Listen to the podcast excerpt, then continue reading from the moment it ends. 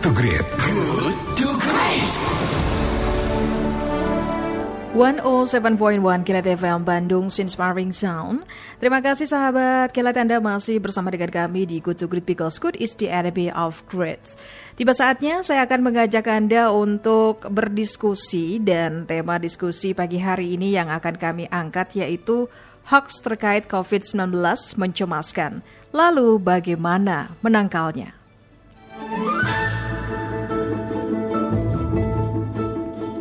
Di tengah kekhawatiran publik terhadap pandemi COVID-19, penyebaran disinformasi dan hoax semakin mencemaskan sahabat kilat.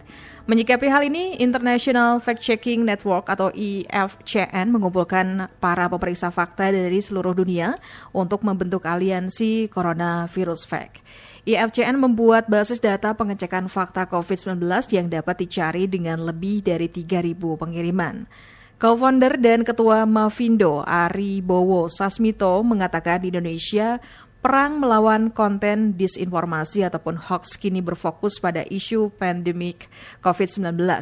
Diketahui sebelum uh, pemerintah mengumumkan warga positif virus corona nomor 1 dan 2, konten uh, disinformasi ataupun hoax berkisar tentang kota epicentrum dan rumah sakit tempat merawat pasien.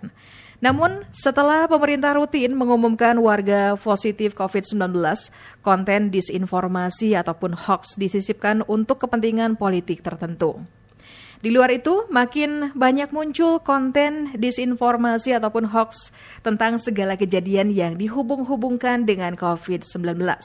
Lantas, manakala hoax terkait COVID-19 mencemaskan, bagaimana cara kita menangkalnya? Nah, di diskusi kali ini kami menghadirkan narasumber yaitu Bapak Aribowo Sasmito, selaku co-founder dan Ketua Pemeriksa Fakta Masyarakat Anti Fitnah Indonesia atau Mavindo.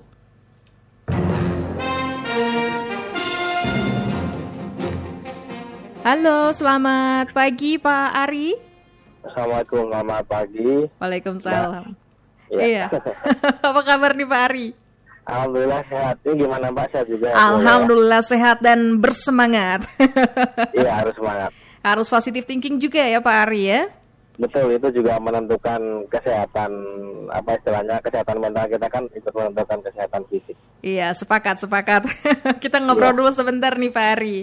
Iya. Ya Pak Ari, ini di tengah uh, pandemi COVID-19 yang uh, wabah yang mengglobal, ya ini penyebaran disinformasi dan uh, hoax dinilai juga masih masif dan mencemaskan. Apa yang terjadi uh, dari pengamatan Anda atau uh, dari pengamatan Mavindo? Iya tadi sudah disampaikan bahwa sebelum eh, positif diumumkan di Indonesia pasien 1 dan 2 itu yang polanya adalah berpindah-pindah kota itu Eh, di Mhm. rumah sakit mana kota mana itu setiap hari bisa sehari lebih dari sekali bahkan ya pindah-pindah kota gitu. Nah pada saat sudah diumumkan eh, sebelumnya sebelum diumumkan pasien 1 dan 2 itu sempat turun tapi pada saat setelah diumumkan naik dan polanya agak berganti ditambah eh, bonus dalam tanda petik ya saya bonusnya bonus yang semua orang tidak mau bonusnya hoax Mhm. Uh, misalnya orang yang waktu itu pernah di KRL sedang mah ya kumat mah itu kan sakit pencernaan ya. Kelihatan agak apa kalau bahasa gaulnya nyender gitu Mbak ya. Bersandar ke belakang lalu sudah di di akan ditangani petugas juga itu sakit mah dibilang sakit corona. Mhm. ada juga yang uh, nyender ke tembok di mana gitu uh, dibilang corona. Orang epilepsinya kambuh dibilang corona. Bahkan sudah ada video yang apa ya ujung-ujungnya lucu sih uh, ada pengemudi uh, apa ojek online ojol sedang minggir gitu ya terus tidur ti- tidurnya di atas motor gitu tidur di atas motor semua orang takut mendekati sampai sudah mau ditangani petugas medis yang mengenakan APD alat pengaman Mhm. diri itu ternyata pas didekati bangun Mhm. jadi semuanya dihubung-hubungkan dengan eh, corona Mhm. gitu Iya, ini terkait ini uh, apa yang dilakukan Mavindo Pak Ari? ya kalau Mavindo sih bukan bermaksud mengecilkan tapi eh, sesuatu yang sudah kami lakukan sehari-hari tapi memang eh, kami tambah upayanya kami kalau bahasa gaulnya upgrade gitu ya kami tambah upaya dengan membuat task force atau gugus tugas yang eh, fokus dengan pelintiran atau hoax yang berkaitan dengan eh, COVID-19 atau corona ini. Jadi eh, karena memang hoax itu kan trennya sedang mengambil tema yang populer dan belakangan semenjak sekitar ya katakanlah Januari tahun inilah uh, sejak Januari itu kok uh, hoax yang banyak diedarkan temanya COVID-19 makanya untuk merespon itu dan agar lebih fokus lebih cepat responnya kami membuat gugus tugas uh, untuk menangani COVID-19 yang sehari-hari periksa faktanya diarahkan di gugus tugas ini yang yang temanya lain agak-agak nanti dulu yang penting uh, COVID-19 ini tangani dulu begitu jadi mm uh, kami buat semacam grup khusus di situ didiskusikan ada laporan masuk uh, status penanganan dan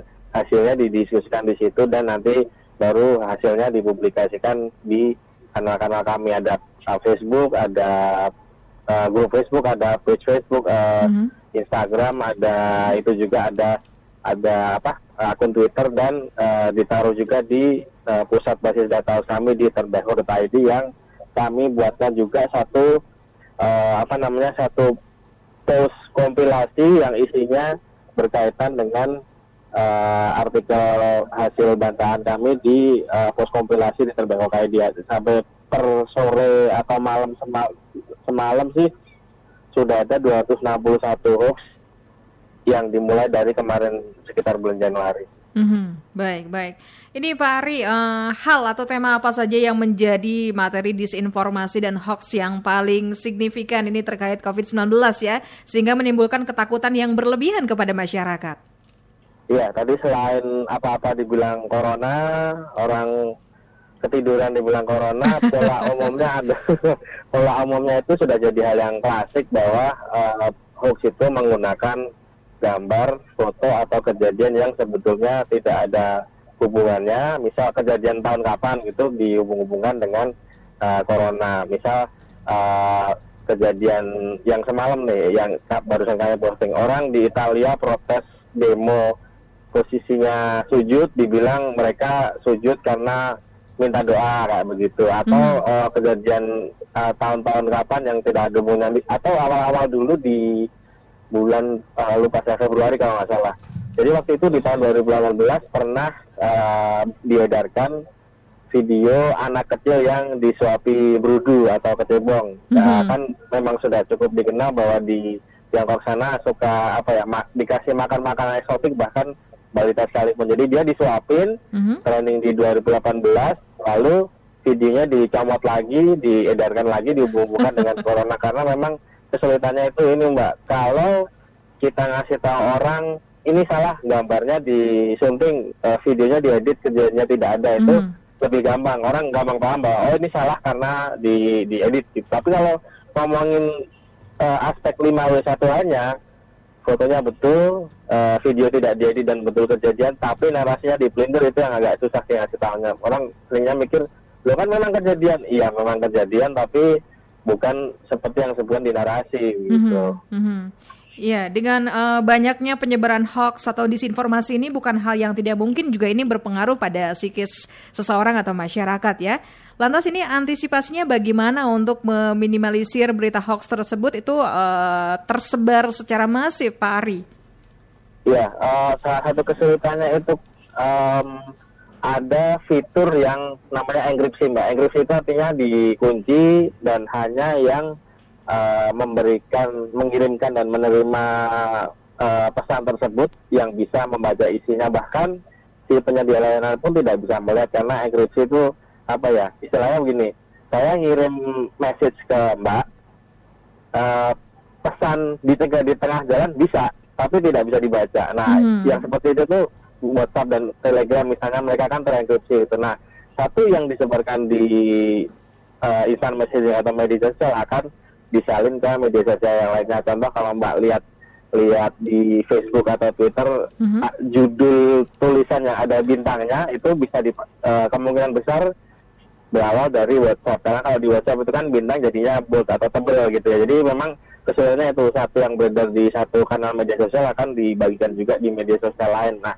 sebetulnya cara yang paling efektif itu ya memang apa ya uh, tangkap-tangkap ciduk-ciduk lalu di diadili itu penting tapi mm-hmm. itu bukan bukan apa ya bukan solusi jangka panjang karena uh, apa ya tiap satu ditangkap istilahnya 10 muncul menggantikan gitu jadi memang kunci terbaik ya tetap ada di uh, pengguna medianya sosial sendiri. Jadi Mhm. dulu pernah dituduh, dibilang bahwa oh Facebook, oh Twitter, oh WhatsApp ini turut menyuburkan orang nyebar-nyebar hoax jadi sarana padahal ya apa yang keluar dan masuk dari media sosial itu yang menentukan justru pengguna media, media sosialnya sendiri gitu. Mhm. Mau tangkap-tangkap sebar-sebar eh, kalau selalu ada yang menggantikan ya itu bukan bukan solusi eh, yang Mhm. yang permanen untuk solusi yang bagusnya adalah tetap dengan edukasi. Tapi sayangnya memang edukasi itu kan proses yang tidak bisa diharapkan dalam eh, waktu dekat satu dua tahun ya karena itu Mhm. eh, berhubungan dengan merubah cara orang berpikir, Mhm. mindset orang dan kebiasaan untuk apa ya eh, dari dulu kan sebetulnya ada mbak dari zaman sebelum media sosial itu orang yang bangga untuk jadi yang pertama kali tahu dan pertama kali Mhm. mengabarkan ke orang-orang sekelilingnya gitu jadi istilahnya wah saya paling update nih gitu padahal belum tentu yang dikasih tahu itu hal yang benar nah kalau dulu sebelum era media media sosial itu lingkupnya mungkin tetangga di kiri kanan mentok-mentok kecamatan begitu ya tapi sekarang karena era media sosial ini ya lingkupnya global karena media sosial itu kan jangkauannya eh, ke seluruh ya. dunia gitu Mhm. mbak Iya, iya. Ini eh, sebagai edukasi dan informasi kepada masyarakat, apa pesan yang akan Anda sampaikan agar masyarakat tidak mudah termakan disinformasi dan hoax ini, Pak Ari?